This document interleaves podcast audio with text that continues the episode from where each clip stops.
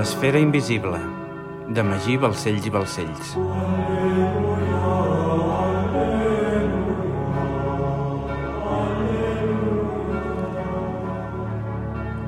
Capítol 26. L'atac de la reina. Divendres, 30 de desembre de 1306. París, Regne de França. Era una tarda glaçada i humida a la ciutat més poblada d'Occident. El gel envaïa amb força els contorns de totes les fonts i rius. Els clamells penjaven de les teulades formant punxeguts blocs de gel. El gebre s'apoderava de les fulles dels arbres i els tolls, les basses i els estanys estaven glaçats per complet. Tot i així, malgrat la incomoditat de ser a l'exterior, el poble abarrotava els carrers de la capital francesa completament embogit, amb torxes enceses, avançant en massa desbocat pels carrers, cantant cançons de revolta, conferint insults a la família reial, cremant els edificis dels magnats més poderosos, destrossant tot el que trobaven al seu pas i estenent una violència desfermada que s'encomanava i animava tothom a la insurrecció. Els bandits, sempre oportunistes, aprofitaven aquella ocasió de caos per omplir les seves butxaques amb el pillatge, alhora que els homes més potentats i covards de la ciutat abandonaven la capital amb la cua entre les cames, carregats amb els seus tresors més valuosos i armats fins a les dents per defensar-se. L'exèrcit reial, repartit en diversos fronts de la frontera francesa, es trobava allunyat de la capital i el cos de guàrdia del rei era insuficient per contenir la ira de la turba tumultuosa. El populatxo avançava en massa vers el nord-est de la ciutat, intentant agafar el monarca, que havia sortit de Palau en direcció al nord-est. La política econòmica de Felip IV havia posat el poble al límit i aquest, abocat a la ruïna, la fam i la misèria, havia sortit al carrer enfollit per intentar fer justícia. Les arques reials s'havien recuperat relativament amb l'expulsió de 100.000 jueus i la confiscació dels seus béns, però, fruit de les correntes polítiques anteriors, s'havia produït un exorbitant augment de preus que havia empobrit el gruix de la població. Quan Felip IV va pujar al tron, França gaudia d'una moneda forta i estable, però el rei de marbre, en el seu afany avar pels diners, va tenir la idea de reduir la quantitat d'or i plata en diverses ocasions. Les successives devaluacions van obstaculitzar el desenvolupament del comerç, van disminuir el poder adquisitiu de la gent i va comportar que els lloguers de les cases, en la seva majoria propietats de l'Església de Roma, augmentessin exageradament de preu fins a deixar moltíssima gent al carrer. Quan milers de persones estaven ja sense sostre ni tenien res per menjar, quan ja no tenien res a perdre, va néixer la rebel·lió. El poble havia avançat enfollit fins al palaix de la Cité i Felip havia decidit fugir per la porta del darrere mort de por. Però el poble, sempre ràpid i hàbil, va veure un cos de guàrdia custodiant algú i, entenent que es tractava del rei, van començar a perseguir-lo mentre li tiraven pedres i objectes. Felip IV corria acompanyat dels seus consellers, envoltats per un important cos de guàrdia. El rei, amb la cara plena de sang per l'impacte d'una pedra, se sentia angoixat i preocupat per la seva vida. I com tots els homes importants de París, el que més el preocupava en aquest moment era salvar el seu patrimoni, el tresor reial francès, que des de 1146 estava custodiat pels templers de París, els seus més importants creditors. El gran mestre Jacques de Molay i sa santedat Climent V observaven el rebombori de la ciutat des de l'altura de la torre del Temple de París, tot esperant reunir-se amb el rei de forma imminent per salvar-lo d'aquella revolta. Era imprescindible salvar el rei per evitar una guerra civil per la successió que sumiria França en el caos. Tot un poble contra el seu rei, va dir Jacques de Molay, mirant des de la finestra. El rei en sortirà airós, va respondre Climent, i quan les aigües tornin a lloc, Felip els amansirà amb la més eficient de les medicines. El populatxo només entén el bastó. Fins que no hi tinguin res a perdre. Llavors seran ells qui agafaran el bastó, com ara, va dir el gran mestre. Sempre hi tindran a perdre, va respondre Climent. Són molts els que perdran en un futur no gaire llunyà. Déu ha volgut que França sigui governada per Felip i que la cristiandat sigui guiada per mi, i tots aquells que s'hi oposin rebran la sot del Senyor. Déu no a sota, va dir Jacques de Molay, mirant a l'infinit. Allà on hi ha mort hi ha Déu. Déu parla per la boca del seu vicari a la terra, va replicar-li Climent. I com hi ha món que sota, eh, no patiu, tindreu ocasió de comprovar-ho. Creia que l'acord a què havíem arribat no implicava violència, va dir Jacques de Molay, amb ironia. Eh, no em malinterpreteu, gran mestre. No em referia a vos, va contestar Climent. Em referia a la resposta que el rei tindrà amb el seu poble. El gran mestre i sa santedat havien estat reunits durant tot el matí a petició expressa del pontífex. El papa, conscient del problema que suposava l'existència de l'ordre del temple per l'Església i posant com a excusa el manteniment de l'ordre a França i a Europa, havia volgut reunir-se novament amb Jacques de Molay per trobar una solució definitiva al problema, prenent com a punt de partida el projecte Rex Bellator. La versió oficial, aquella que s'explicava de portes en fora, era que els templers tenien tant poder sobre els regnes cristians que aquests anhelaven a tota costa convertir-se en hereus de l'ordre mitjançant el projecte Rex Bellator. El projecte de Ramon Llull havia inundat les corts europees des de la pèrdua dels sants llocs i era molta la pressió que rebia el papat per determinar una solució al problema. Climent deia a Jacques de Molay que les corones estaven desesperades i no estaven disposades a permetre que aquella situació es perpetués en el temps. Climent li va dir que si no feien res en els pròxims mesos, era molt probable que algun rei actués per compte propi, fet que, si es produïa, comportaria una guerra d'abast europeu. Els anteriors papes havien encarregat el projecte Bellator de forma secreta amb la clara intenció que fossin els regnes cristians els que forcessin la resolució del problema, ja que totes les corones europees estaven endeutades amb el temple i, per tant, tenien un interès inqüestionable respecte a la resolució del conflicte. Bonifaci, Benet i Climent havien donat suport a un candidat o altre en funció del seu interès polític, però en cap cas el seu pla implicava fer realitat el projecte de Llull. Era tan sols un estratagema per pressionar a Jacques de Molay a prendre una decisió. L'Església, pel seu paper polític, era reticent a declarar la guerra obertament als templers, ja que això li guanyaria alguns enemics que de moment calia tenir al costat i preferia que fos algun regne cristià qui obrís la caixa de Pandora. Els papes havien intentat convèncer durant molt temps del projecte Rex Bellator a Jacques de Molay, però aquest es negava en rotund a acceptar-lo i ho havia deixat molt clar a tothom, a Bonifaci, a Benet i a l'actual papa. Tot i així, l'estratègia de Climent era clara. El temple s'havia de destruir i els seus béns s'havien d'entregar a l'Església sense que els diversos regnes cristians se sentissin traïts en les seves expectatives. Però Climent era un home pragmàtic i usava el projecte de Ramon Llull fent veure que aquesta era la millor solució – per pressionar el gran mestre a prendre decisions que l'acostessin a la consecució del seu objectiu sense que es notés. Per altra banda, com a íntim amic de Felip IV, Climent li deia que el recolzava ell com a candidat, però que el dret canònic establia que el gran mestre havia d'acceptar-ho. Com a conseqüència, si Felip ja tenia animadversió per Jacques de Molay, aquest argument no feia sinó que engrandir-lo. Si Europa fos un tauler d'escacs que enfrontava l'Església i el Temple, des de que Climent era papa, França era indubtablement la peça més valuosa, la reina, qui té més capacitat de moviment i atac. Per fer moure aquesta peça, la Santa Seu havia augmentat descaradament el preu dels lloguers de les seves propietats franceses amb la clara intenció de crear una crisi que animés a Felip IV a actuar. Mitjançant diversos testaferros i pactes ocults, el cert és que la Santa Seu era l'imperi immobiliari més gran del planeta i, per tant, tenia una gran capacitat d'influència. Malgrat tot, Ningú podia acusar-la de res, ja que la propietat legal estava en mans de diversos particulars. En la teoria, és clar. En una partida d'escacs, l'objectiu és l'escac i mat, i en aquest sentit l'objectiu de Climent era la mort del temple, però s'havia de fer de la forma menys traumàtica possible, aconseguint l'efecte sense que se'n notés la causa. Havia de trobar la forma de fer caure els templers sense que el castell de cartes es desplomés, i Climent creia haver aconseguit la fórmula. Si el seu pla funcionava, aviat necessitaria una gran flota i l'ajuda dels dominics. Afortunadament, de les primeres i més arriscades decisions que havia pres només ser consagrat papa, havia estat la d'encarregar una flota de 90 carraques al rei Dionís de Portugal, i aquestes ja estaven quasi acabades en la seva totalitat. La revolta de París suposava una oportunitat única per pressionar a Jacques de Molay per un cantó i per animar el rei a tirar pel dret i a declarar la guerra al temple per un altre.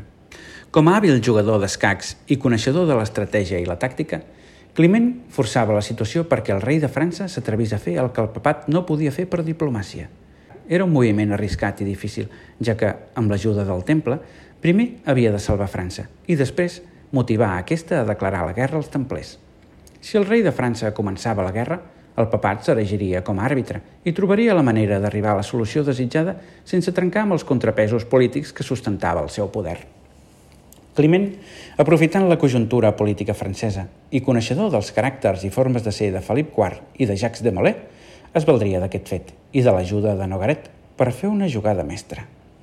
Afortunadament per les aspiracions de Climent, després de molt parlar i coaccionar el gran mestre, aquell matí havien arribat finalment a una solució de consens.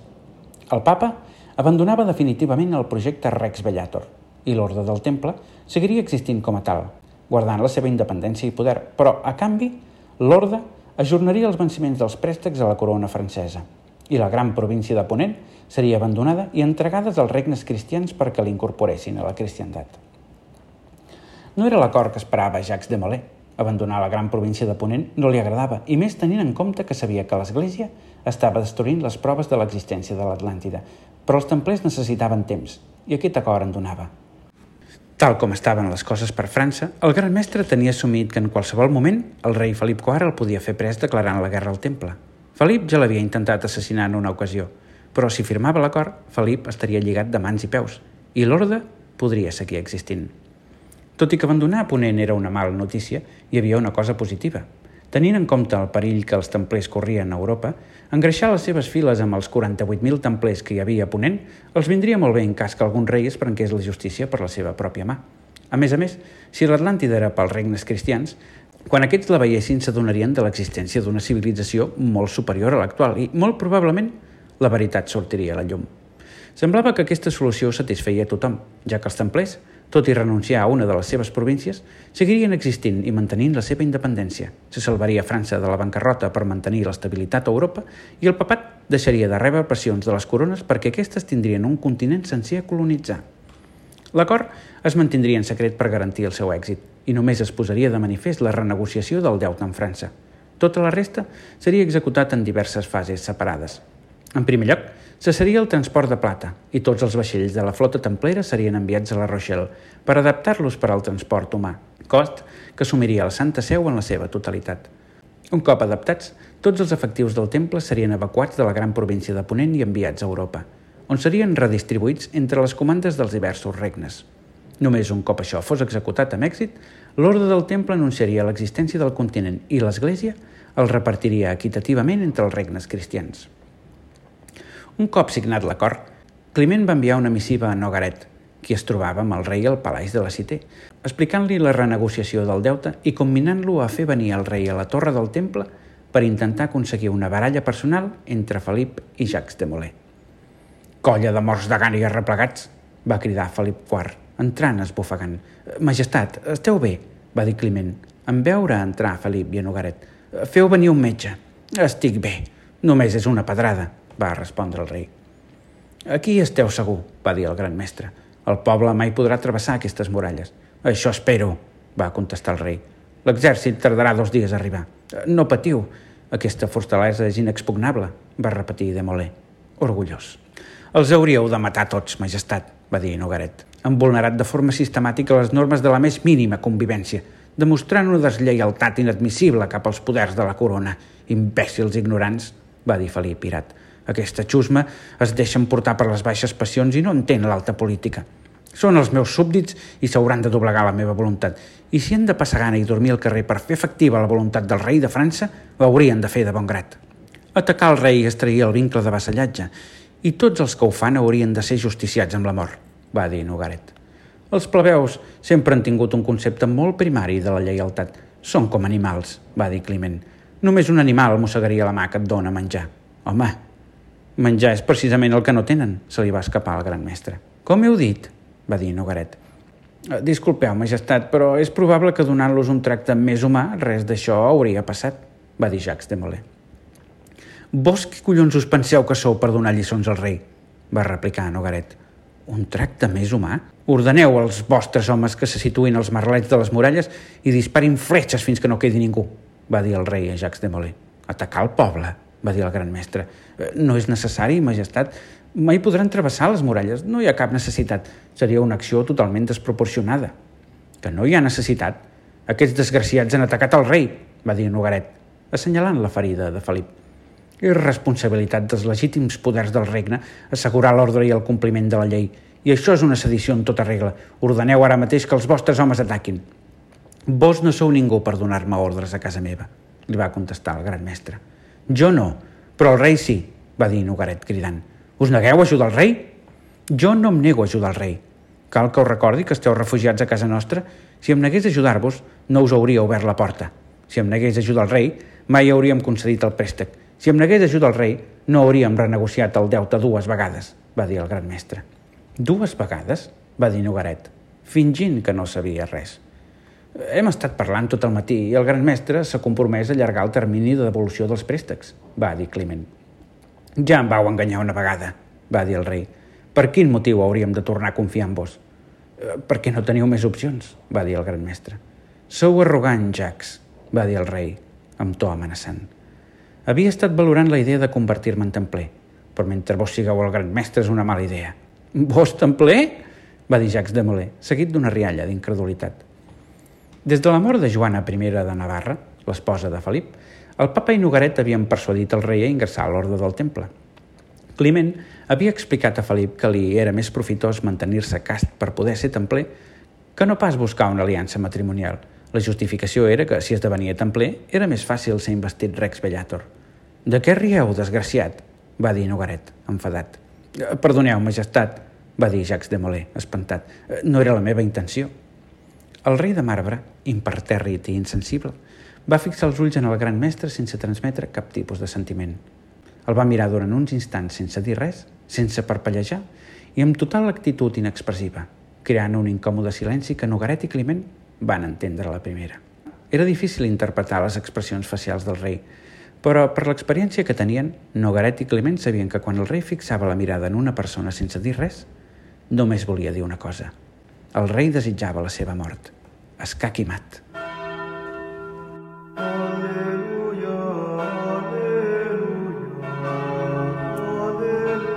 L'esfera invisible, de Magí Balcells i Balcells. Aleluia.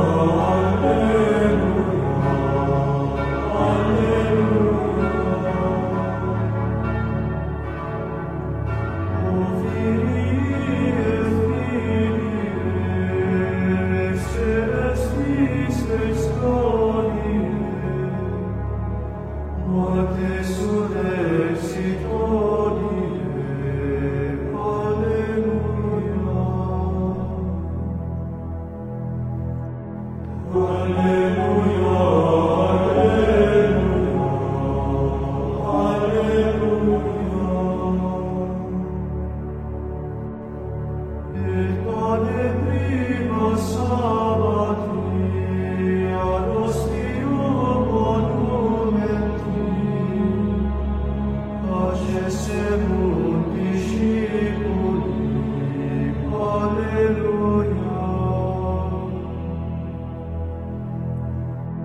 Alleluia.